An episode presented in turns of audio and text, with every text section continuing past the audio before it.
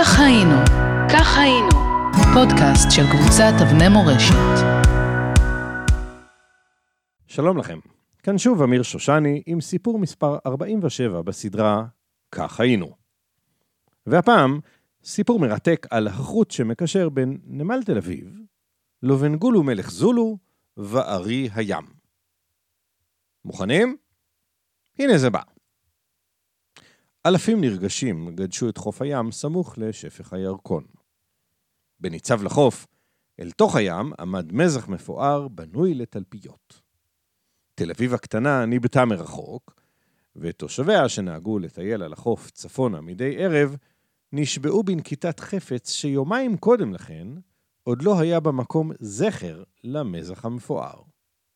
בניית המזח המושלם בתוך 48 שעות היוותה בהחלט סיבה ראויה לגאווה.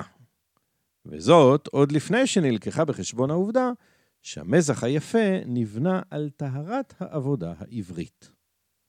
הלבבות התרחבו אפוא מגאווה בלתי מוסתרת, וחלקם לפחות אף חישבו להתפוצץ. ספינה יוגוסלבית עמוסת שקי מלט התקרבה לנמל, אולם באופן חשוד היא הקפידה לשמור על מרחק בטוח מהמזח החדש. הקהל המאושר לא נתן לעובדה מתמיהה זו להפריע לו, ואף לא חשד במהומה כשסירות עבריות קטנות עשו דרכן אל הספינה היוגוסלבית ופרקו ממנה את מטענה בים.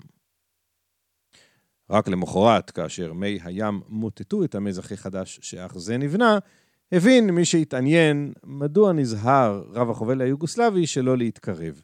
אבל למה להרוס את השמחה? שעון התאריך הצביע על 19 במאי 1936.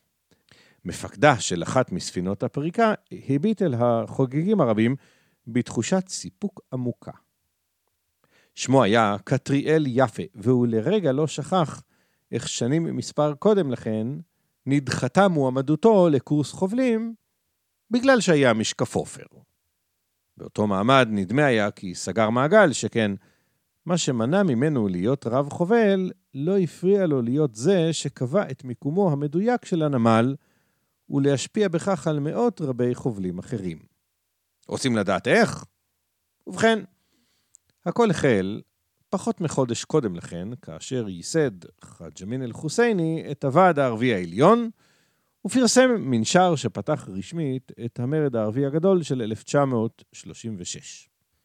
אנו קוראים אותך הערבי להקרבה, להפסקת עבודתך, להפסקת שכרך, להסתפקות בפת לחם.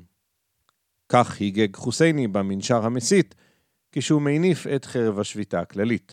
צחוק הגורל, תוך שבועיים התהפכה החרב על חוסייני ועל אנשיו. נמל יפו שובת, במקום לרוץ ולהוציא צווי ריתוק, ניצלו הציונים את השביתה כאמתלה לקבל רישיון להקמת נמל יהודי חדש בצפונה של העיר תל אביב. עבר שבוע, וביום בהיר אחד נעצר אופנוע ליד קטריאל הממושקף. עלה, ציווה עליו הנהג, יוסף אבידר, שהיה באותה עת קודקוד בכיר בהגנה. קטריאל ציית. רד, ציווה עליו הנהג כשהגיעו לחוף. קטריאל שוב ציית. איפה נקים מזח? נבח עליו אבידר. וקטריאל צלל וחיפש, וכשעלה למים הצביע על נקודה מסוימת והכריז, כאן אין סלעים. טוב, כך לפחות לפי גרסתו של אבידר עצמו, נקבע מקומו של נמל תל אביב. נחזור לטקס.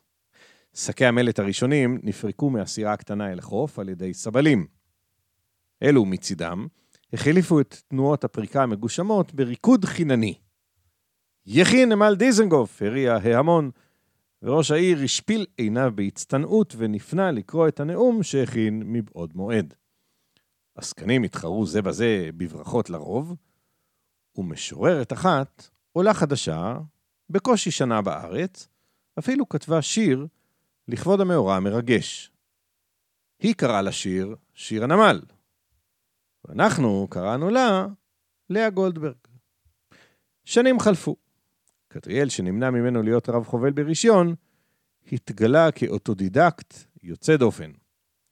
הוא למד בכוחות עצמו את כל מה שנדרש לדעת רב חובל, ולא עברו ימים רבים עד שכתב מערכי הדרכה והדריך בעצמו בקורסי ימאים של תנועת הפועל, שנערכו באותה עת. ייתכן שעניין הרישיון לא הפריע לו במיוחד, שכן בשנת 1934 כבר מצא עצמו רב החובל בלי הרישיון קטריאל יפה, מפקד על הספינה ולוס, במסע שפתח את עונת ההעפלה הבלתי לגלית. ובשנת 1935 הוא פיקד על סירת המפרש נחשון של הפועל, במסעה לפורט סעיד וחזרה. מי שרוצה להיות רב חובל, יקרא מעשה זה, כתב על כך הסופר נחום גוטמן, כשתיאר את מסעו של קטריאל יפה, תיאור מחמיא במיוחד. את המילים הללו כתב נחום גוטמן בשולי ספרו לובן גול ומלך זולו. ולכל מי שקופץ עכשיו ומזכיר לי שקטריאל יפה ונחום גוטמן היו גיסים, ולכן לכאורה אי אפשר לסמוך על מה שכותב נחום גוטמן, אני יודע שהם היו גיסים, ובכל זאת אני מאמין לו. עוד שתי ספינות מעפילים הביא קטריאל יפה עד שהחליט לרדת אל החוף ולהצטרף לאשתו פניה ולביתו תמר הקטנה, לימים נכיר אותה בתור הסופרת תמר ברגמן.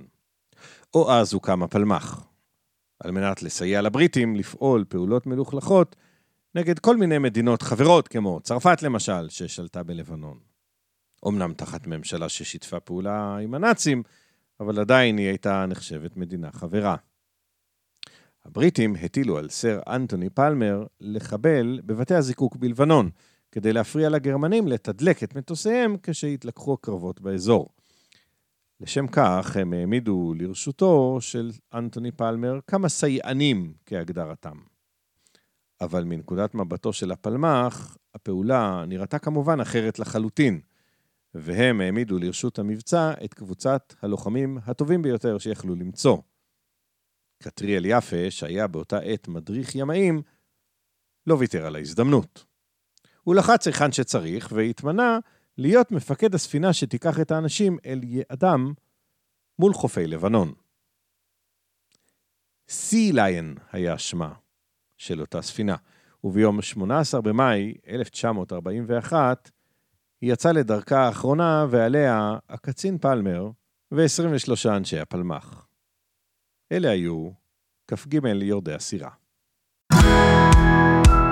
כך היינו, כך היינו, פודקאסט של קבוצת אבני מורשת.